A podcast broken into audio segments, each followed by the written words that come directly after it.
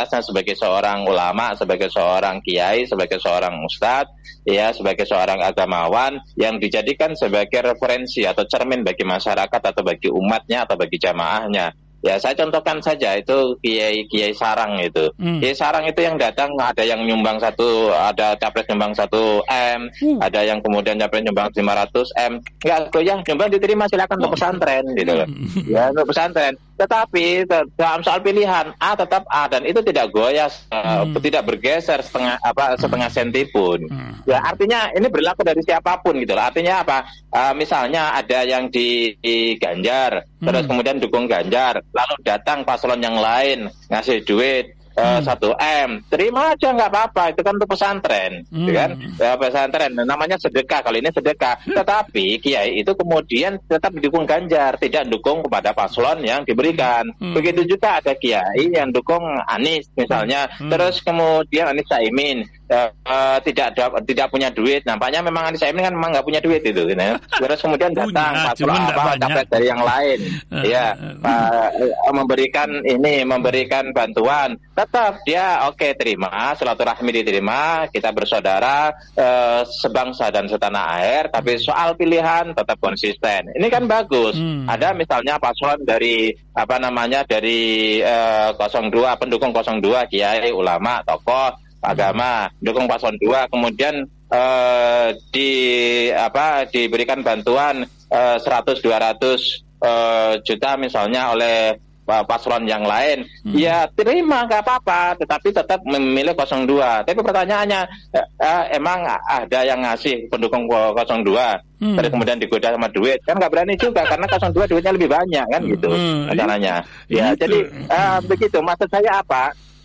Bahwa jangan di arena apa jangan pilpres pilek ini dijadikan sebagai arena bagi para hmm. uh, tokoh agama, hmm. ya kan tokoh hmm. agama untuk menjadi lahan mencari rizki. Soal rizki silakanlah itu mendapat itu anugerah tahu-tahu datang ngasih rizki nggak masalah. Hmm. Tetapi jangan kemudian menjual suara, menjual prinsip, menjual dukungan. Hmm. Artinya kalau kemudian berganti, bermigrasi dukungan Hmm. Ya itu biasa namanya swing voters. Tapi kalau bermigrasi dukungannya itu karena uang, ini masalah. Hmm. Kalau migrasi dukungan swing voters ini eh karena memang oh ini ternyata lebih bagus ya. Ini ternyata punya gagasan ya. Oh ternyata di sini itu berbahaya latar belakangnya dan sebagainya dan sebagainya. Saya pikir ini adalah sesuatu yang normal, wajar, sehat ya hmm. tidak mengurangi integritas dan nilai serta prinsip-prinsip prinsip-prinsip politik di dalam diri para ulama dan para tokoh agama. Tetapi kalau kemudian eh ini ada Pak Zero Spot, eh ini ada Alfat, eh ini ada 150 M, kan. ini ada 50 M, hmm. terus kemudian pindah dukungan. Menurut saya kasihan jamaahnya, hmm. gitu kasihan umatnya. Kalau setiap lima tahun begini terus, ya bagaimana nasib bangsa ini ke depan kalau kalau tokoh-tokoh agama seperti seperti ini. Apakah itu ulama, apakah itu pendeta, apakah itu bisu dan sebagainya. Menurut saya uh, mereka yang berada di garda depan untuk menjaga norma-norma hmm. ya atau nilai-nilai di dalam masyarakat kita. Nah, terus kemudian untuk satu putaran atau dua putaran, kalau normal saja Pak Isan, hmm. di mana kecurangan itu bisa dikendalikan, ya bisa dikendalikan, hmm. Ini akan uh, apa namanya akan ini uh, dikendalikan. Itu akan uh, dua putaran. Ya akan dua putaran. Gitu ya kalau kalau saya dapat baru kemarin ada lembaga survei ada survei yang iya. dilakukan oleh pihak tertentu. Saya mendapatkan saya bocorin aja gitu. Yeah. Jadi uh, satu itu 32 persen yeah. 02 itu 37 persen, hmm. 03 itu 18 persen. Ini hmm. survei yang tidak dipublish. Ya, yeah. saya hmm. saya bocorin dari mana? Ya, Nanti saya nggak perlu bocorin dari mananya. Betul. Artinya ini sebagai sebuah gambaran, sebagai gambaran hmm. untuk sampai kepada hmm. apa satu putaran. Ini waktu tinggal satu setengah bulan hmm. itu agak berat. Kenapa? Hmm. Saya pikir ini sama-sama kerja keras. Hmm. Ya, artinya uh, dengan kekuatan logistik yang dimiliki oleh 02 dan dukungan kepada kekuasaan masih di bawah 40 persen, sementara yang lain belum begitu masif untuk melakukan sebuah perla, apa, apa, pertempuran di lapangan, hmm. ya dengan balihonya dan sebagainya, itu masih segitu. Artinya hmm. itu kalau tidak ada kecurangan yang sangat sistemik, masif dan luar biasa, hmm. itu tetap dua putaran. Hmm. Uh, tetap, uh, kalau kalau kemudian dipaksa satu putaran dengan kecurangan yang masif, ini rawan. Hmm. Ini bisa terjadi ledakan. Gitu loh. Oh. Ya, saya mengutip karena hmm? siapa itu teorinya uh, uh, Jonathan Turner ada sebuah proses sembilan tahap untuk menuju kepada ledakan itu dan ini sudah tahap ke-8 ke-8 hanya butuh trigger aja nah, di antara yang bisa menjadi trigger kuat itu adalah uh, pemilu satu putaran dengan curang dengan hmm. curangnya ya. Sebenarnya pemilu satu putaran dua putaran siapa pun yang ter yang terpilih uh, kita harus legowo. Ini adalah demokrasi. Dalam hmm. demokrasi itu ada dalam kontestasi berdemokrasi itu ada yang menang ada yang kalah. Itu hal yang biasa siapa yang menang sudah siap semua, siapa yang kalah semuanya juga harus siap. Hmm. Tidak boleh tidak siap kalah. Gitu. Tetapi yang perlu kita kawal adalah bahwa pemilu ini betul-betul harus jurdil, di mana suara rakyat itu tidak dimanipulasi, suara rakyat itu tidak diintimidasi, suara rakyat itu betul-betul muncul secara alamiah. Ini pemimpin yang kami inginkan. Inilah pemimpin yang kami harapkan. Inilah pemimpin yang uh, selama ini menjadi ekspektasi kita. Nah, kalau itu saya pikir damai Indonesia. Jadi kalau ada orang sering kali bilang bahwa oh ini terbelah, terbelah, terbelah, yang membuat terbelah itu adalah orang oknum-oknum yang ada di dalam kekuasaan. Gitu loh. Jadi itu terbelah itu sederhana kalau kalau anak-anak itu pada bertengkar, ya hmm. apalagi anak-anak itu masih kuliah pada sekolah gitu, hmm. semua uang jajannya ada di bapaknya, tinggal panggil eh, kamu tengkar enggak? kalau kamu enggak, kalau kamu masih bertengkar enggak kasih uang saku, hmm. selesai. Selesai. Sesimpel itu. Itu di sosmed iya, terbelahnya. Itu, iya. Iya. Wah pagi-pagi Pak Tadi teriak-teriak. Nah ini sabar, sabar Mas, sabar. Ini masalahnya karena eh, pagi-pagi uh, juga saya baru dapat kabar lagi nih Bu Sri Mulia Mulyani mengumumkan APBN kita itu defisit 347,6 triliun rupiah. Sementara anggaran pemilu dari para calon ini katanya bertriliun-triliun. Nampaknya orang diuji dengan hepeng nih, piti kata orang Aceh ini pagi hari ini. Apa yang uh, apa uh, Mas uh, Tony lihat menghadapi cobaan yang luar biasa ini? Uh, bagaimana Mas Tony? Ada yang mau disampaikan lagi tentang perkembangan ke depan? Masih ada 10 menit ke depan Mas Tony. Iya.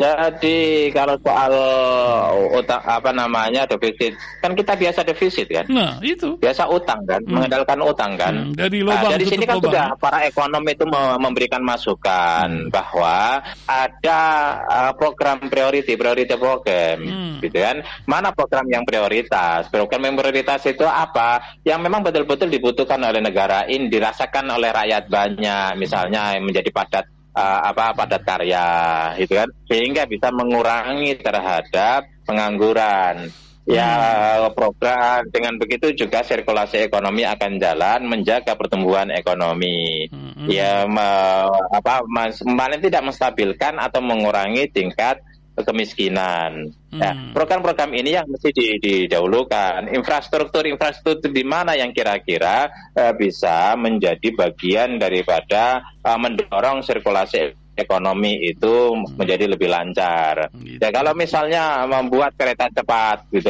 dengan menang biaya ratusan triliun, apakah itu padat karya A gitu? Hmm. Apakah itu apa bisa menjadi investasi ini bisa mendorong uh, pertumbuh ikut mendorong pertumbuhan ekonomi ya. Hmm. Ini kan menjadi menjadi pertanyaan. Kemudian bandara yang ada di uh, Jawa Barat sana perpindahan bandara. uh, sekarang kan tidak jalan bandara itu dan sebagainya. Artinya uh, sebenarnya Sri Mulyani punya gagasan-gagasan seperti itu, tetapi apa daya Sri Mulyani ini hmm. ketika berhadapan dengan mereka hmm. yang punya otoritas untuk membuat keputusan-keputusan itu. Hmm. Jadi uh, uh, Nah, ini ini banyak masukan lah dari para ekonominya, hmm. para para ahli ahlinya lah untuk hmm. untuk itu dan sering kali kita dengar uh, di situ bahwa banyak pada ada apa, apa, apa uh, proyek padat modal tapi tidak padat karya nah. sehingga uh, uh, apa manufaktur itu hmm. manufacturing itu juga tidak tidak didorong secara optimal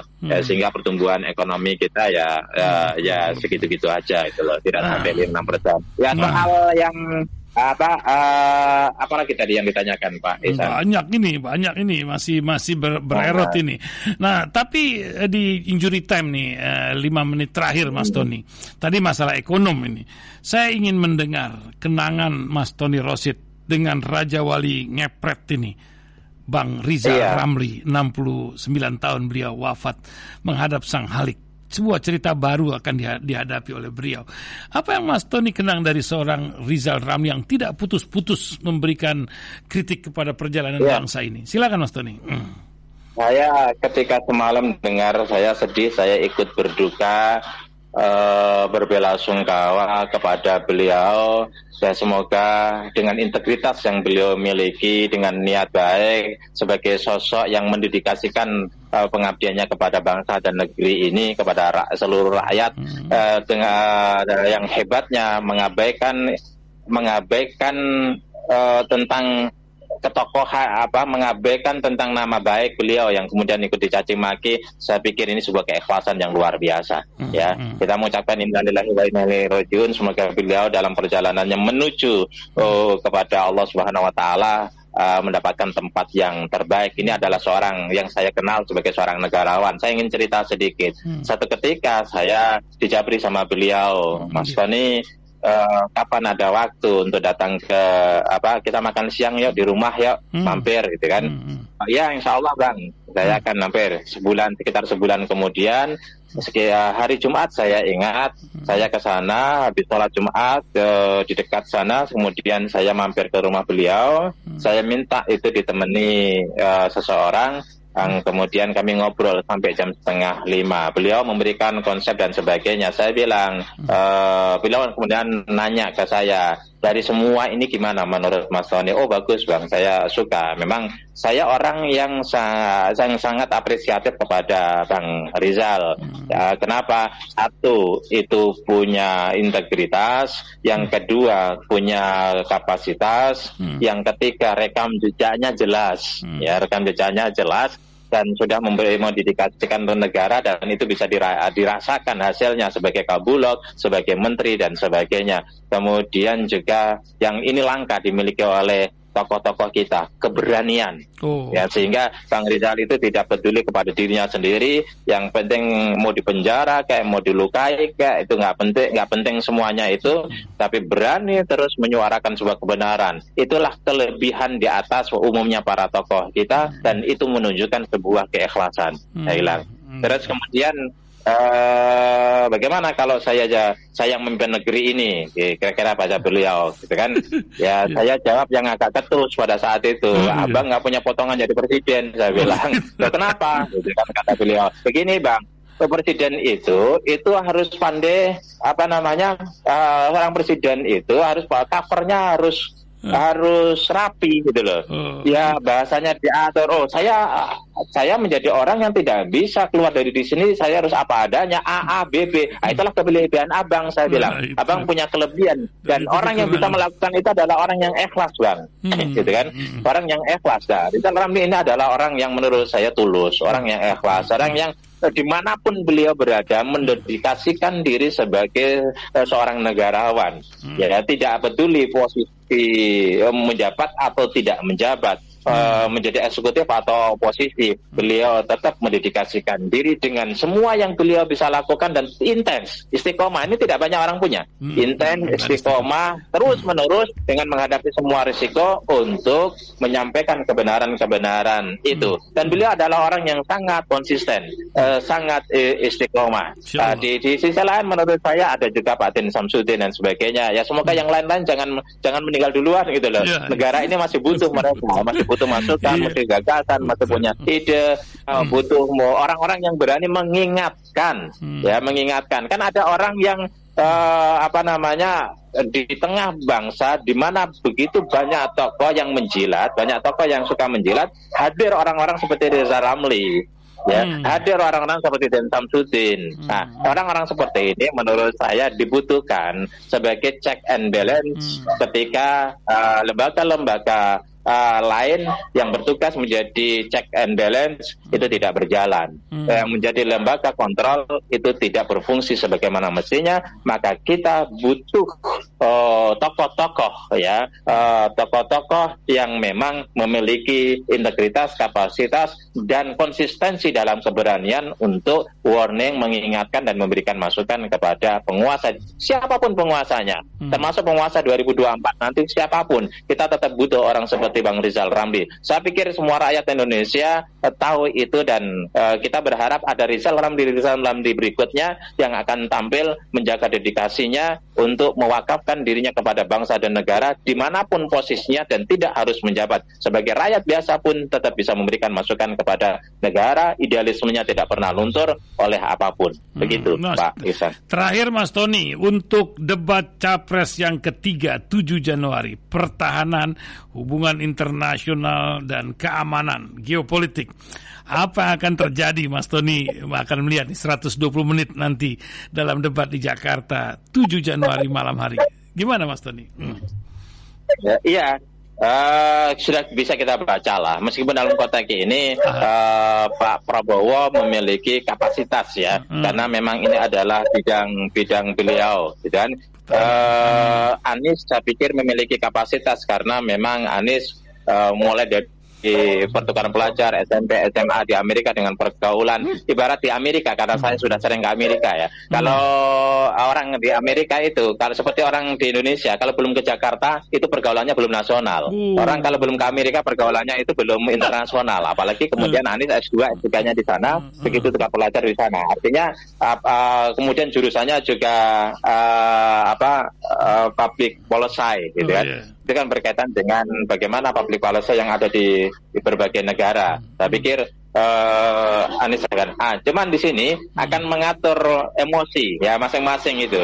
Kalau Pak Ganjar itu tipenya adalah relax sekali relax sekali hmm. ya. Tetapi memang penguasaan masalah penguasaan materi kurang Pak Ganjar ini. Hmm. gitu lah. Pak Ganjar ini ini, ini kurang. Karena penguasaan itu tidak bisa instan. Hmm. lalu saya pikir ini akan akan perdebatannya menarik antara Pak Prabowo dengan Anies. Keduanya adalah orang-orang yang memiliki uh, penguasaan materi soal uh, apa uh, soal keamanan dan uh, uh, apa namanya isu global ya. Ini keduanya saya pikir akan menarik. Hanya tinggal bagaimana ya keduanya ini secara smart ya secara hmm. semat memberikan eh, pertanyaan-pertanyaan yang itu tidak memudahkan bagi ya, lainnya untuk memberikan jawaban. Yang hmm. kedua adalah persoalan emosi. Gitu hmm. Apakah Pak Prabowo nanti itu bisa kemudian menjaga emosinya bagaimana kemarin sehingga tidak perlu keluar kalimat kata-kata dan kalimat yang di luar konteks di dalam perdebatan hmm, itu. Hmm. Kalau terpancing emosinya kemudian keluar eh, keluar kata-kata di luar eh, luar konteks daripada nah itu akan juga menjadi bumerang dan itu tidak mudah. Hmm. Karena Pak Prabowo ini seorang jenderal dari kecil anak orang besar hmm. terus kemudian pergaulannya juga terbatas dengan para elit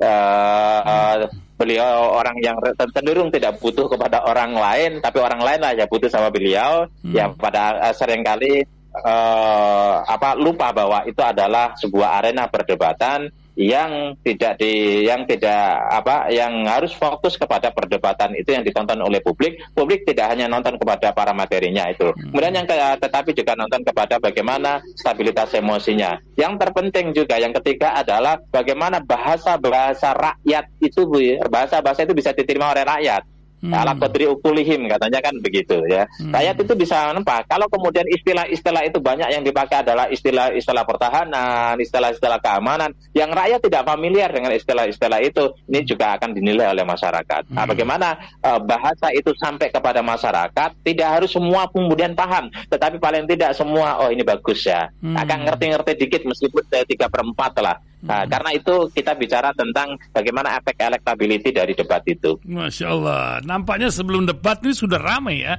di TikTok atau Pak Anies bertemu media baru dalam hal perjalanan mendampingi generasi Z ini ya. Ah, yes, itu yes. menjadi penutup penutup kisah pagi ini. Bagaimana pandangan dari Mas Tony Rosit uh, ketika uh, media online ini menjadi uh, sebuah sarana di tengah sepanduk yang nampaknya sepi bagi calon yang satu ini. Silakan Mas Tony.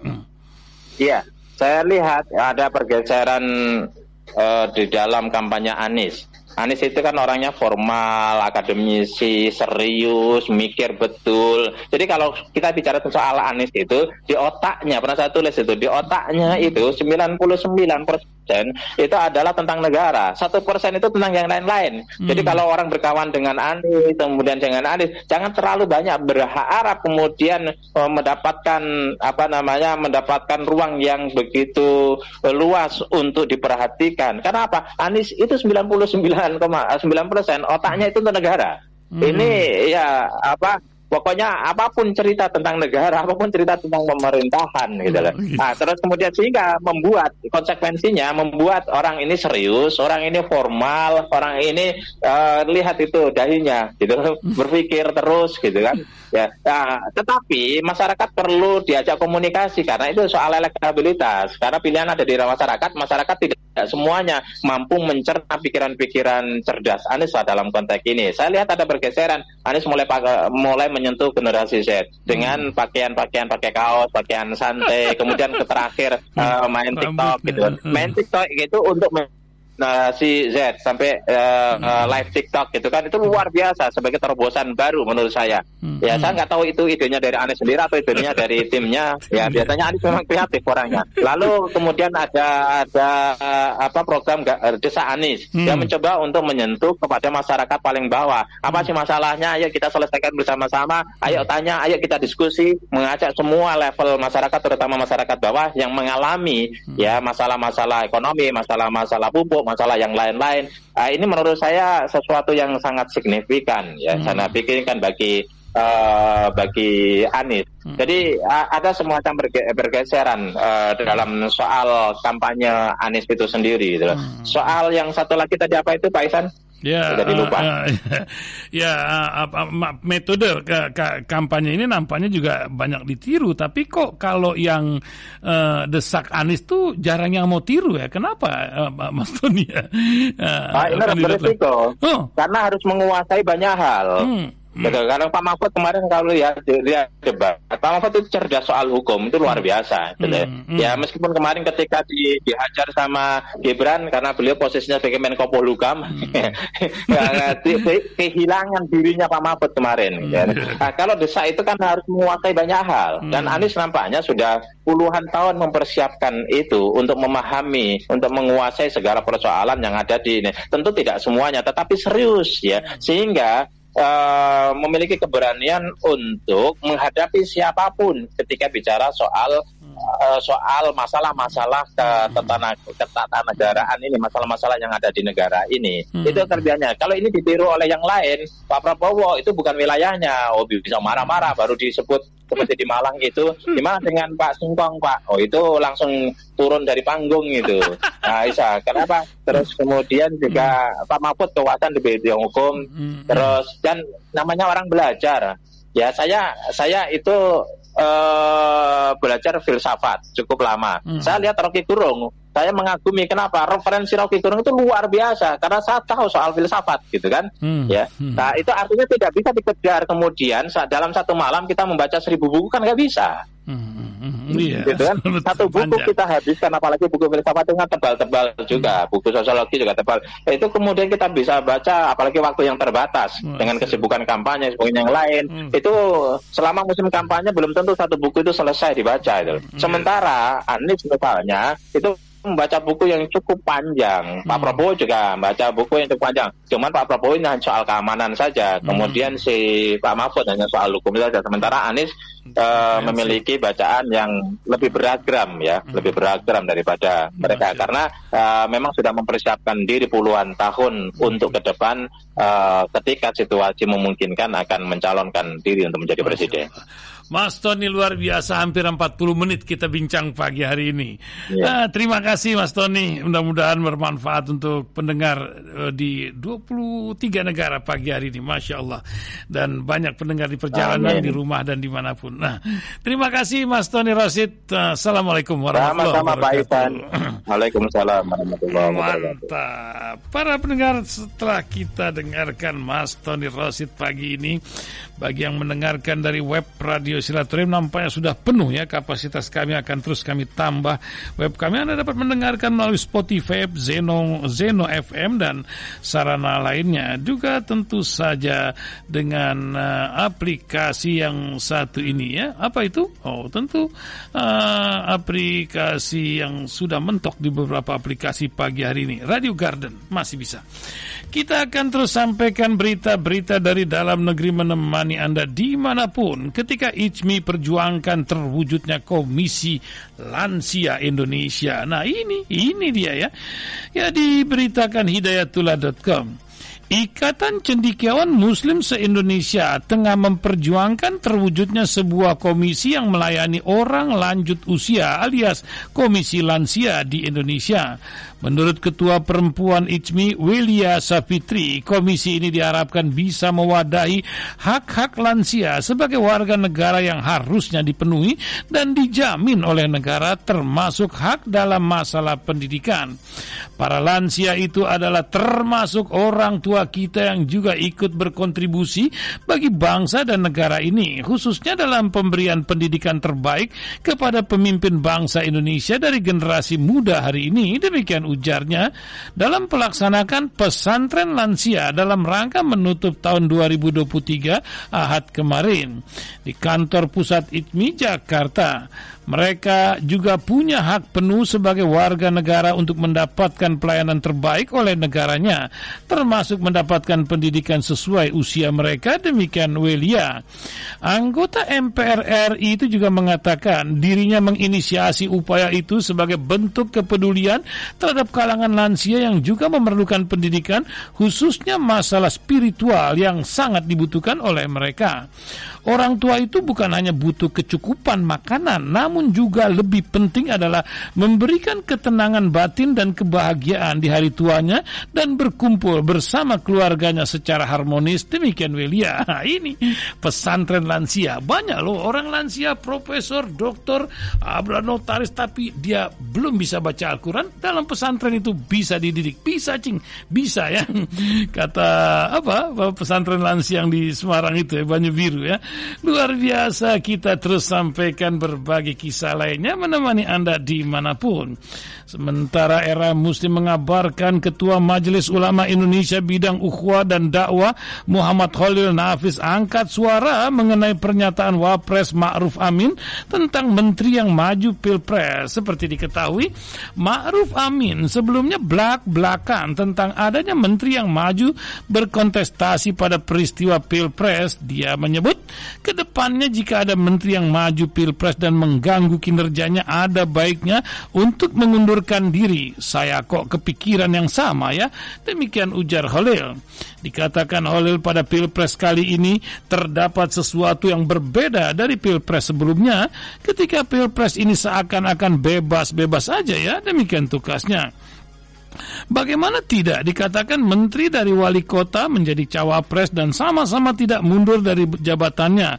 Menteri dan wali kota jadi capres dan cawapres sama-sama betah. Tak ada yang mau cuti panjang gitu ya atau mundur sekalian agar jelas pekerjaannya dan obsesinya. Demikian tandasnya. Menurut Holil, ada baiknya jika Mahfud maupun Gibran mundur dari jabatannya untuk fokus pada Pilpres, antisipasi agar tidak subhat sebelum sebelumnya Wakil Presiden Ma'ruf Amin menyampaikan pandangannya terkait dengan kemungkinan evaluasi aturan terkait cuti bagi menteri yang mencalonkan diri dalam pemilihan presiden setelah pemilu 2024. Menurut Ma'ruf, ada peluang untuk menilai kembali kebijakan ini dan jika dianggap tidak tepat, dia berpendapat sebaiknya menteri yang mencalonkan diri sebagai presiden dan wakil presiden diharuskan untuk mundur. Nanti ya, kan masih ada waktu ya. Para pendengar radio di mana pun sementara Direktur Eksekutif Pembina Pemilu untuk Demokrasi Perludem Khairun Nisa Nur Agustiati mendorong Komisi Umum KPU ke RI maaf Komisi Pemilihan Umum Republik Indonesia untuk meminta maaf secara terbuka atas kejadian pembagian surat suara pemilu 2024 kepada pemilih di Taipei, Taiwan yang tidak sesuai dengan jadwal KPU. Ya salah, minta maaf cing. Para pendengar radio di mana pun kami terus sampaikan berbagai kisah lainnya. Berita-berita ekonomi menjadi berita-berita bagian di pagi hari ini menemani Anda. Uh, uh, uh, ada berita gempa ya, baru saja terjadi 5,9 cing. Kami akan singkirkan dulu berita yang lain ketika gempa berkekuatan magnitudo 5,9 dilaporkan mengguncang wilayah Bayah, Banten, Rabu pagi ini. BMKG melaporkan gempa tersebut terjadi pada pukul 7.53 menit lalu. Ber terdeteksi di 72 km barat daya kaw kawasan Baya, Banten. Demikian dikabarkan CNN Indonesia. Pusat gempa berada di kedalaman 74 km dan tidak berpotensi tsunami. Demikian laporan BMKG dalam Twitternya. Masya Allah. Dari kabar gempa kita lihat lagi gempa lain dalam bentuk ekonomi kah? Wallahu a'lam bisawab ketika Menteri Keuangan Republik Indonesia Sri Mulyani mengumumkan realisasi anggaran pendapatan dan belanja negara sepanjang 2023 defisit sebesar 347,6 triliun rupiah atau 1,65 persen terhadap produk domestik bruto. Sri Mulyani mengatakan angka defisit ini merupakan angka sementara sebab harus melewati proses audit yang akan dilakukan oleh Badan Pemeriksa Keuangan. APBN kita tahun 2023 kita desain dengan defisit 598 triliun. Kemudian di tengah tahun kita revisi agak rendah 479 eh, triliun. Ternyata realisasi defisit jauh lebih lebih kecil dari rencana tersebut 347,6 triliun. Demikian dikabarkan baru-baru ini. Ya salam. Sementara rezim fiskal ini terus bergulir ketika bisnis.com mengabarkan pajak lagi cing pajak ya. Ketika Jokowi tidak uh, Jokowi telah secara resmi menaikkan PPh 21 2024 ketika Anies Baswedan dan Cak Imin ingin menghapus pajak penghasilan. Seperti diketahui pasangan capres dan cawapres nomor urut 1 Anies Baswedan dan Muhaimin Iskandar berencana untuk menghapus pajak penghasilan jika mereka terpilih kelak. Bukan isapan jempol. Hal tersebut disampaikan oleh co-captain tim nasional pemenangan Anies Baswedan Muhaimin Iskandar, Thomas Lembong. Anies sendiri dengan tegas mengatakan bahwa dirinya tidak ada niat menaikkan pajak untuk masyarakat secara umum. Fokus Anies Baswedan nantinya adalah menagih pajak kepada 100 orang terkaya di Republik Indonesia. Tapi kami tidak akan menaikkan pajak kepada masyarakat Indonesia secara umum. Demikian dikatakan Anies dalam video yang viral sejak 27 Desember lalu. Namun rencana Anies dan Cak Imin tersebut langsung dijawab tegas oleh Jokowi. Pada tanggal 29 Desember lalu Jokowi secara resmi menaikkan aturan terkait dengan tarif efektif rata-rata atau TER untuk pajak bagi karyawan atau pajak penghasilan PPH pasal 21. Menariknya, Aturan itu juga sudah mulai berlaku pada 1 Januari ini. Itu artinya wajib pajak sudah dikenakan aturan ini sejak kemarin. Ketentuan tersebut tercantum dalam peraturan pemerintah nomor 58 tentang tarif pemotongan pajak penghasilan pasal 21 atas penghasilan sehubungan dengan pekerjaan, jasa atau kegiatan wajib pajak orang pribadi. Aturan ini juga berlaku untuk wajib pajak termasuk pejabat negara, pegawai negeri sipil sipil, anggota Tentara Nasional Indonesia, anggota Kepolisian Negara Republik Indonesia, dan pensiunan. Para pendengar radio di mana pun berita-berita dalam negeri akan kami akhiri dengan berita-berita terakhir di pagi hari ini menemani Anda di mana pun. Ketika isu digadang-gadang menjadi sekjen PBB, CNN mengabarkan pagi hari ini hal tersebut ke ruang dengar Anda. Diberitakan Presiden Joko Widodo merespon pertanyaan wartawan soal kabar dirinya digadang-gadang untuk menjadi Sekretaris Jenderal Perserikatan Bangsa-Bangsa. Kembali ke Solo, jadi rakyat biasa sudah. Demikian dikatakan Jokowi menanggapi pertanyaan salah satu wartawan soal isu menjadi sekjen PBB usai mengunjungi pasar tradisional di Purworejo, Jawa Tengah selasa lalu. Ia mengakui ingin menjadi rakyat biasa setelah nantinya sah melepas masa kepemimpinannya sebagai orang pertama di Indonesia dalam 10 tahun. Isu Jokowi berpeluang menjadi sekjen PBB sempat beredar pada awal 2023. Saat itu beredar video di Facebook yang mengklaim bahwa Presiden Jokowi ditunjuk langsung oleh sekjen PBB Antonio Guterres sebagai penggantinya setelah lengser pada Desember 2026 nanti. Namun pada 5 Februari 2023 Kominfo sudah melebeli informasi tersebut sebagai disinformasi alias informasi palsu. Oh, hoak ternyata ya. Para pendengar radio di mana pun setelah itu barulah tiba saatnya kami sampaikan berita-berita mancanegara dari berbagai tempat di muka bumi ini. Sebelumnya kami sapa dulu pendengar di seluruh jagat raya apa kabar Pak Imam Bintoro di Temanggung. Angka 17 sehat selalu ya. Ya kita lanjut sapa juga untuk Bapak Aditya Adiatma Yusuf Hendrawan dan Bapak Rahmat Syakban Nur Yasin. Apa kabar Ibu Nanai Fatima dan Ibu Amriati Yamin dan juga Ibu Su Mini AR. Bapak Tengku Lutfi Irwansa dan Ibu Novi Sofian Hendraja. Sehat selalu Bapak Rahmat Irawan dan Bapak Budi Harto Haryono. Bagaimana Ibu Susi Nur Astuti dan seluruh hamba Allah di mana pun Anda berada, jin dan manusia yang terus mendengarkan radio kita ini, radio silaturahim untuk Islam yang satu, untuk Indonesia yang bersatu. Para pendengar radio sebelum kita dengarkan Voice of America akan kami badalkan secangkir kopi pahit untuk pendengar seluruh jagat raya. Yang belum ngopi, angkat cangkirnya, kita ngopi tanpa gula. Jauh lebih sewat. Kopinya jangan yang KW-KW ya. Bismillah Bismillahirrahmanirrahim. Alhamdulillah, mantap. Ya para pendengar radio di mana pun setelah secangkir kopi pahit kami badalkan bagi yang belum ngopi, kita akan lanjutkan berita-berita mancanegara dengan Voice of America berikut ini. Silakan Bang Fahri.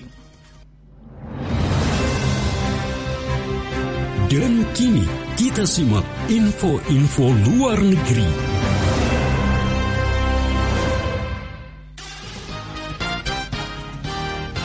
Inilah headline news VOA, saya Jimmy Manan.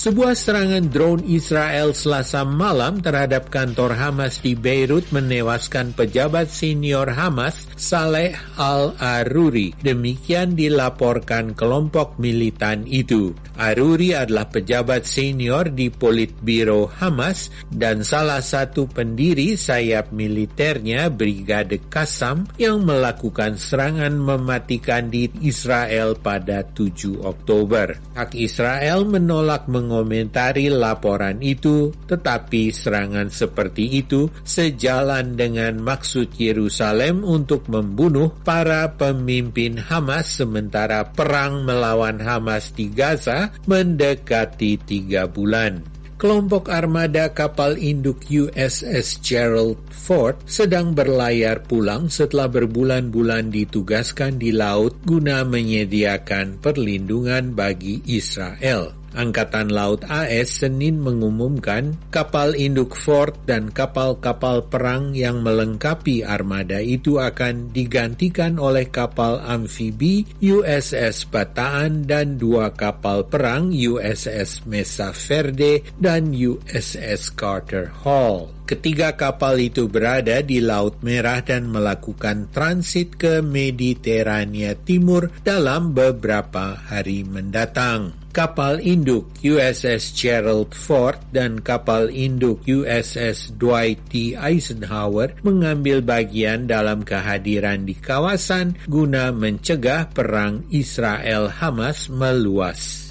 Maersk dan Hapag-Lloyd, masing-masing bisnis pengapalan Denmark dan Jerman, selasa mengatakan kapal-kapal kargo mereka masih terus menghindari rute lewat Laut Merah yang memberikan akses ke terusan Suez, menyusul serangan pada akhir pekan terhadap salah satu kapal Maersk. Kedua perusahaan itu sudah mengubah rute pelayaran dan mengambil jalur lewat Tanjung Harapan di Afrika Selatan, sementara militan Houthi di Yaman menyerang kapal-kapal kargo di Laut Merah. Gangguan ini mengancam akan menaikkan biaya transportasi barang dan menimbulkan kekhawatiran akan memicu kenaikan inflasi global.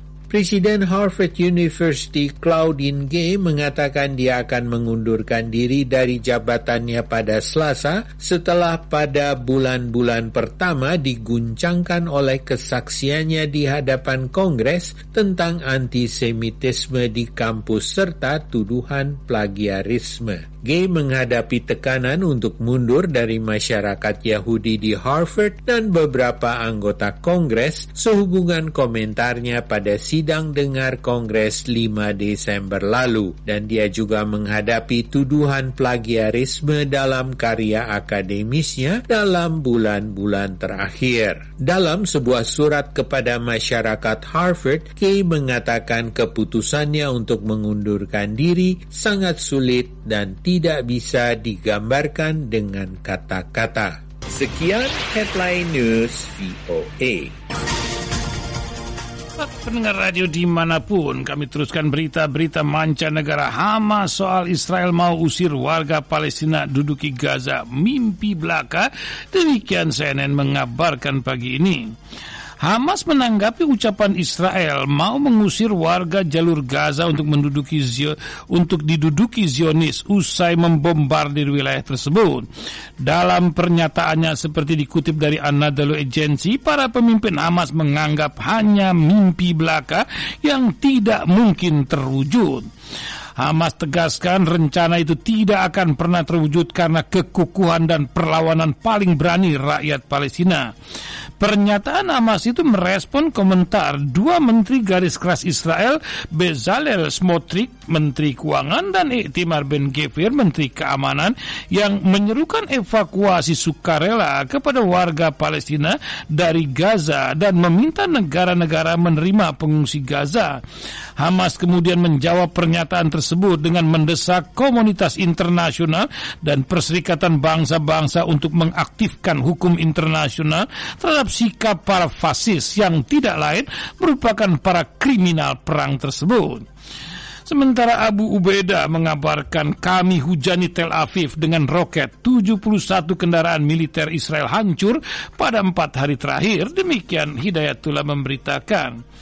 Juru bicara eh, Brigade Izudin Al-Qassam, sayap militer gerakan perlawanan Hamas Abu Ubaidah melaporkan para pejuang pembebasan Palestina dari Masjid Al-Aqsa telah menghujani Tel Aviv dengan roket selama tahun baru dan menghancurkan 71 kendaraan militer Israel dalam empat hari terakhir ini tidak akan ada kesepakatan pertukaran sebelum agresi berhenti dan rakyat kami akan bangkit dengan kepala tegak. Demikian pernyataan Abu Ubaidah dalam pernyataan terbarunya yang diunggah dalam telegram resmi kelompok itu Abu Ubaidah melaporkan bahwa anggota Al-Qasa membenarkan telah menghabisi lebih dari 16 tentara Israel dan puluhan lainnya luka-luka dalam dengan luka yang bervariasi dalam 42 misi operasi.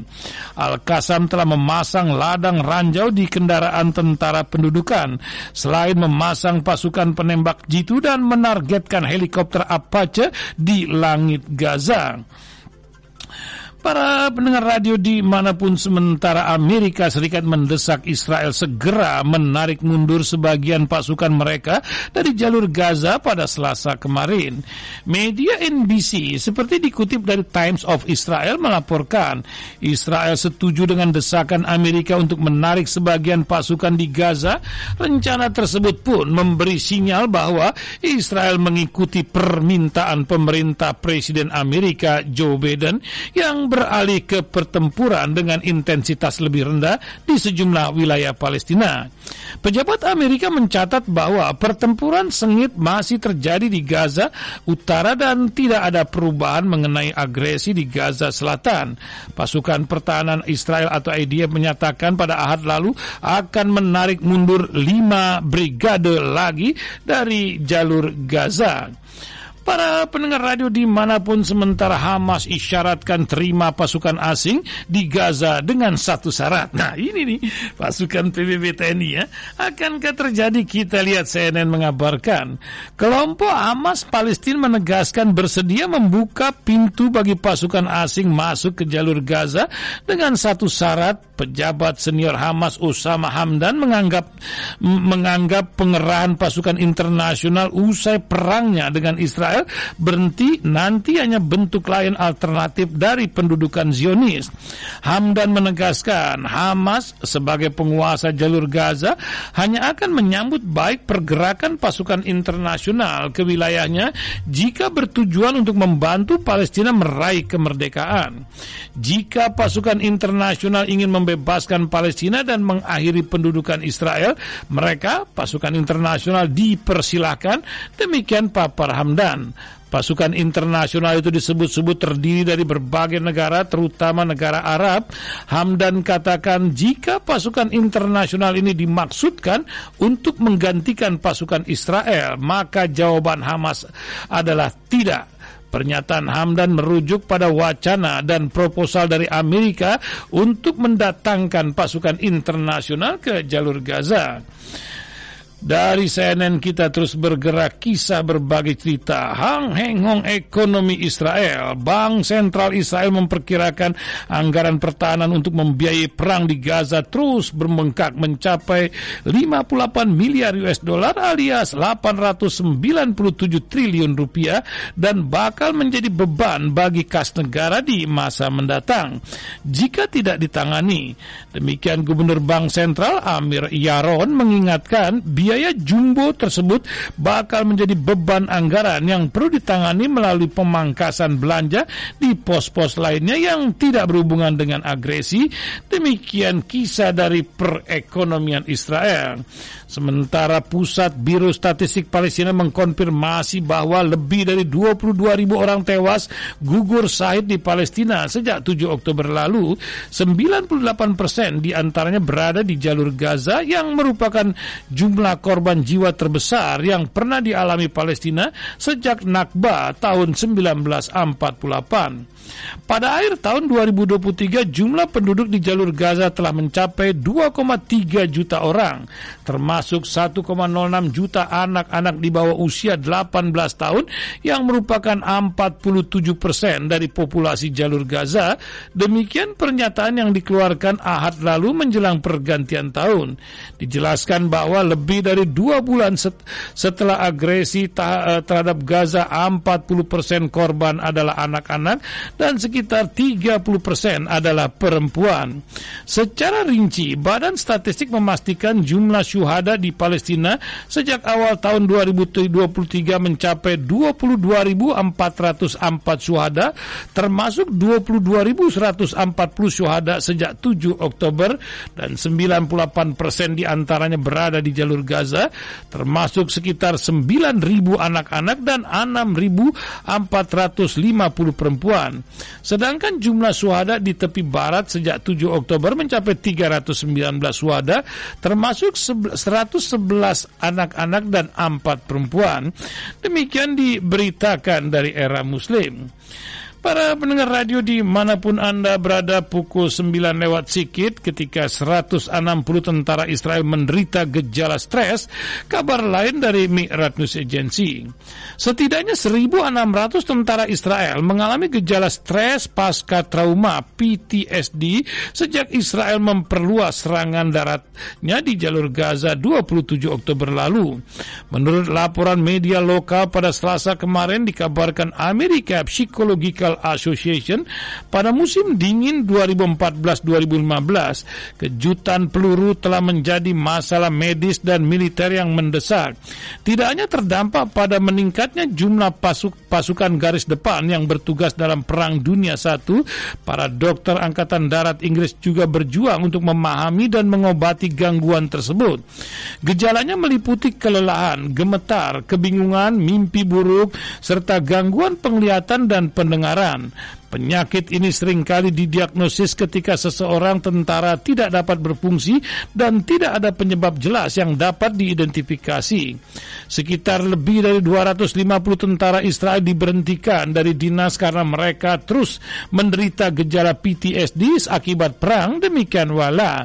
Menurut portal berita tersebut, sekitar lebih dari 3.475 tentara yang terluka telah dirawat di pusat rehabilitasi tentara sejak pecah pecahnya konflik Gaza pada 7 Oktober lalu. Dari Gaza terus kita bergerak ke berbagai tempat lainnya. Kita jalan dulu ke Jepang. Bagaimana Al-Kisah Hang Heng Hong pesawat saling tubruk di landasan pacu.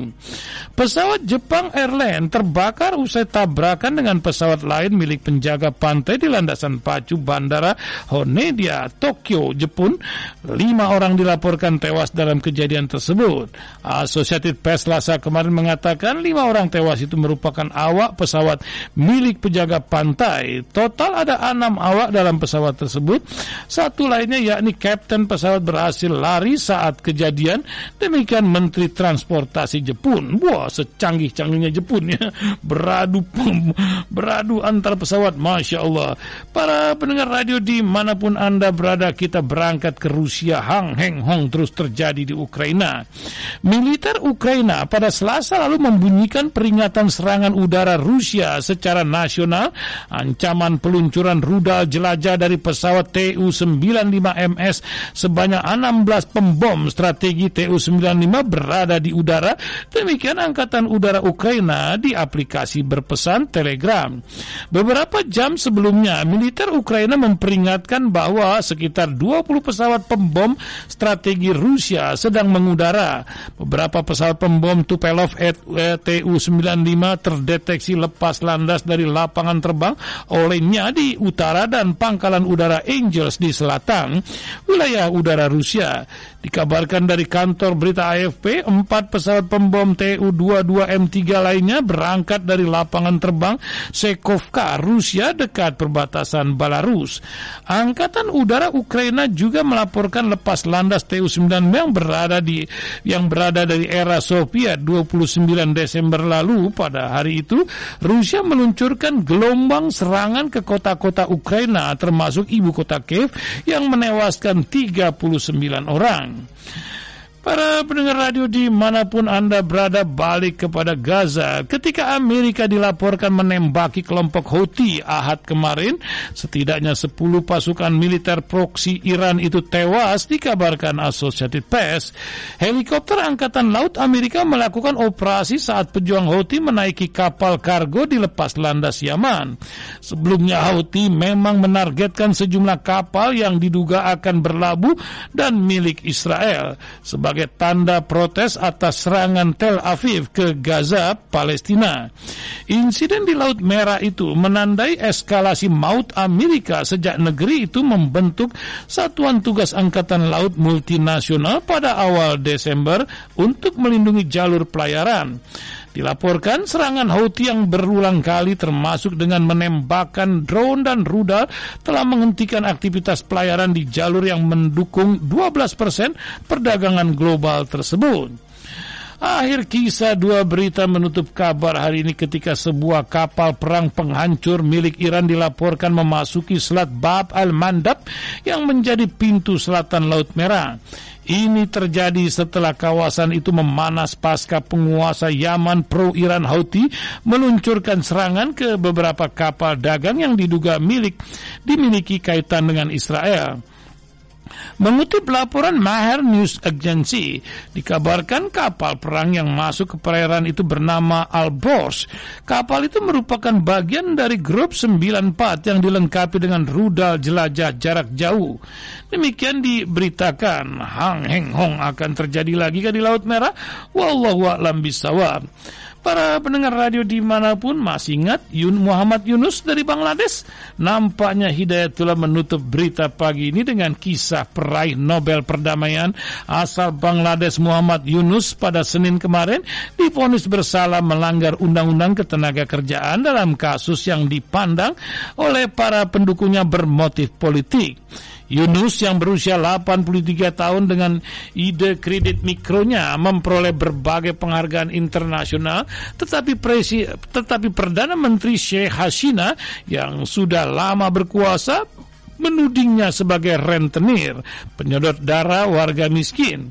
Hasina kerap melakukan serangan verbal kepada peraih Nobel Perdamaian 2006 itu yang pernah menjadi pesaingnya di punggung di panggung politik. Yunus dan tiga rekannya dari Gremon Telkom, salah satu perusahaan yang didirikannya dituduh melanggar undang-undang perburuan karena tidak mengadakan dana kesejahteraan karyawan di perusahaan tersebut.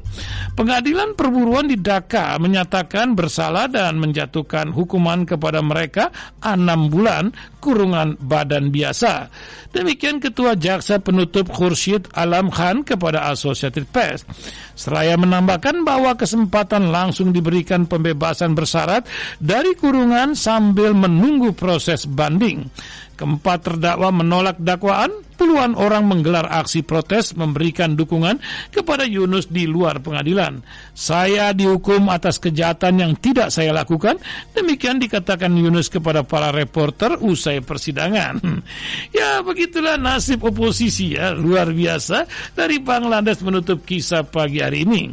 Dan bagaimana bola kami hanya bisa menyampaikan hasil akhir dari bola di pagi hari ini dari liga yang bertanding bertanding di Eropa baru-baru ini. Para pendengar radio disampaikan dari Liga Inggris West Ham melawan Brighton 0-0 macam kacamata. Liga Spanyol Real Sociedad melawan Alaves 1-1. Sementara kemarin Getafe melawan Rayo Vallecano 0-2 di Liga Spanyol dan Liga Inggris sebelumnya Liverpool melawan Newcastle 4-2 untuk Liverpool. Para pendengar radio tibalah saatnya kami akhiri dengan tajuk Radio Silaturahim berikut ini. Kini kita simak tajuk rasio.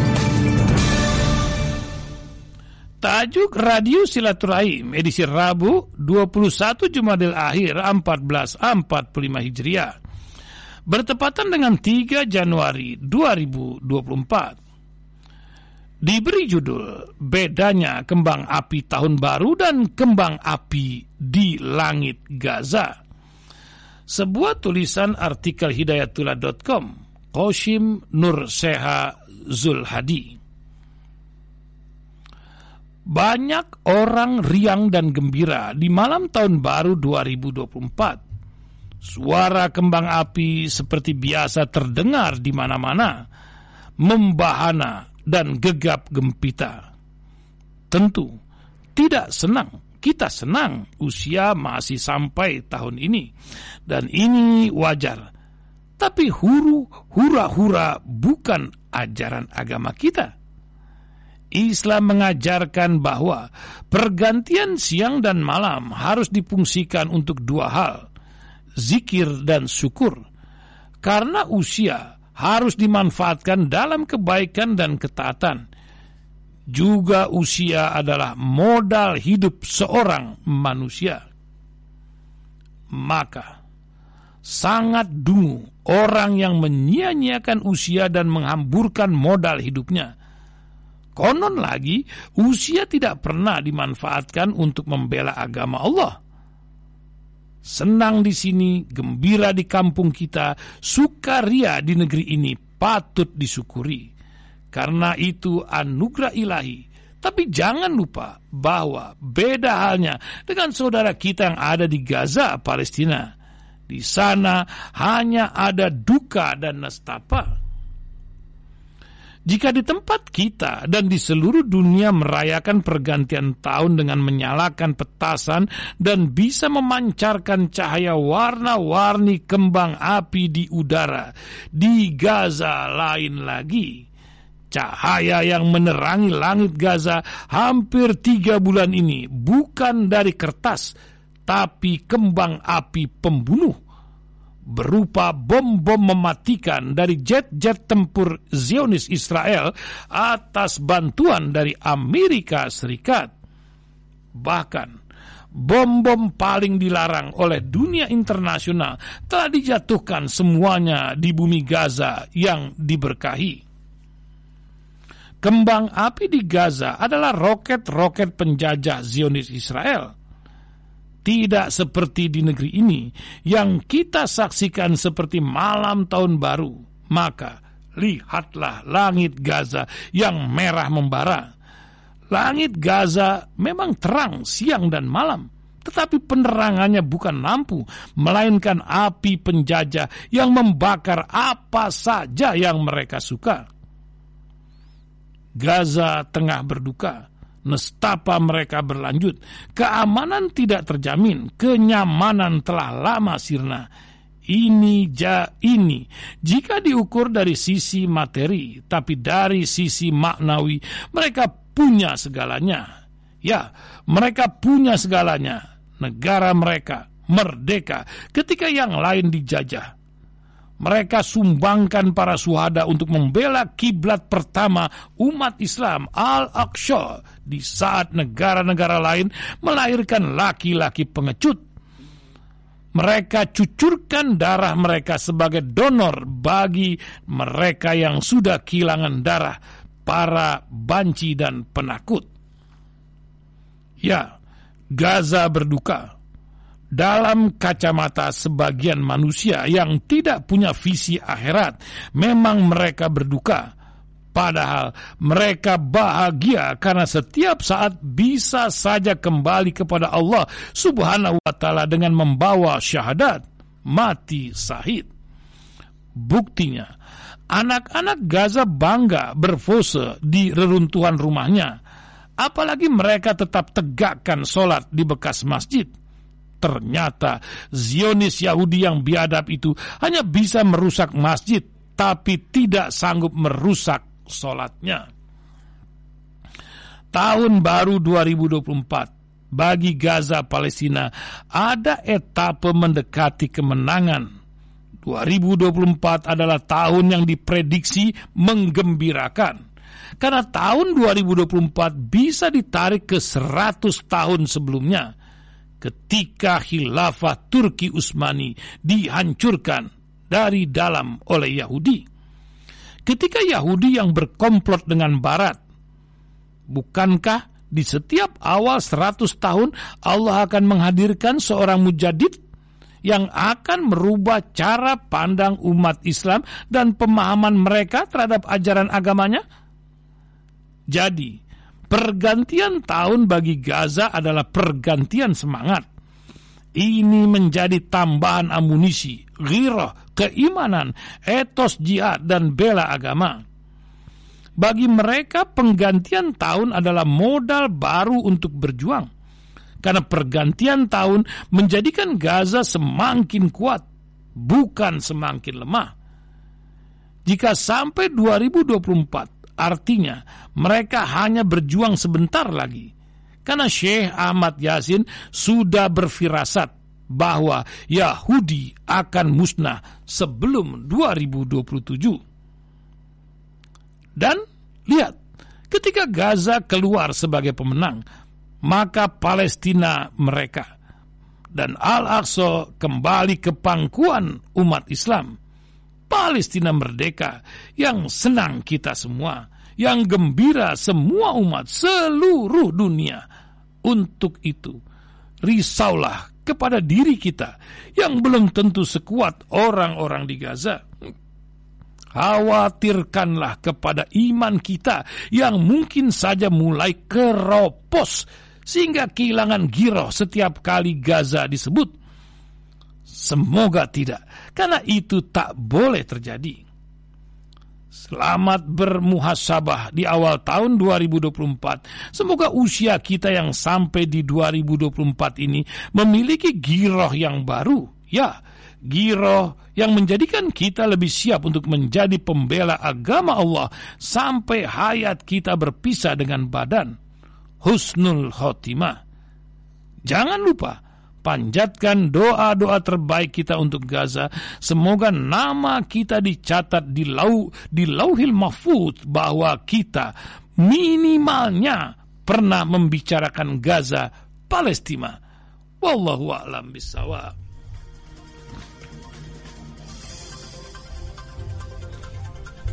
Para pendengar demikian tajuk Radio Silaturahim yang dapat Anda dengar nanti dalam Spotify Sela FM. Anda juga dapat mendengarkan siaran ini selama 24 jam sebelum kami hapus dalam Spotify masih dari akun Sela FM Batam. Para pendengar kita ingatkan hujan akan mengguyur selatan, timur Jakarta, juga Depok, Tangerang. Di siang hari nanti Bekasi, Bogor, Sukabumi, demikian Semarang dan juga Magelang serta Yogyakarta. Di siang hari dan sebagian besar di malam hari.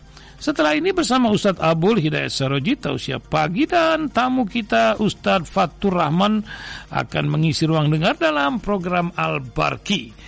Ya, metode pembacaan Al-Quran bagi orang dewasa.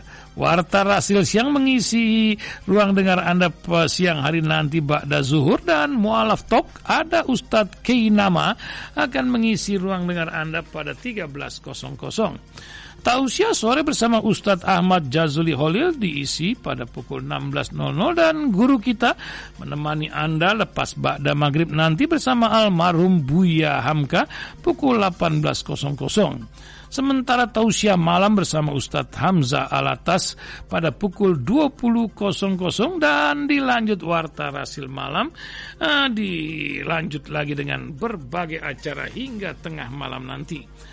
24 jam kami temani Anda di ruang dengar Anda dan kami ingatkan jadwal sholat untuk Jakarta dan sekitarnya sebelum kita dengarkan doa untuk Gaza dan Indonesia Raya dalam stansa 3.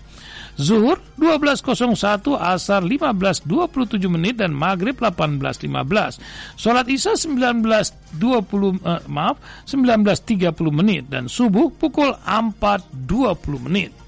Para pendengar radio di mana pun Anda berada, setelah sandiwara berita pagi hari ini, selalu kami ingatkan untuk Anda semua, sholatlah tepat waktu dan usahakan untuk selalu berjamaah. Wabillahi taufiq walidayah. Assalamualaikum warahmatullahi wabarakatuh.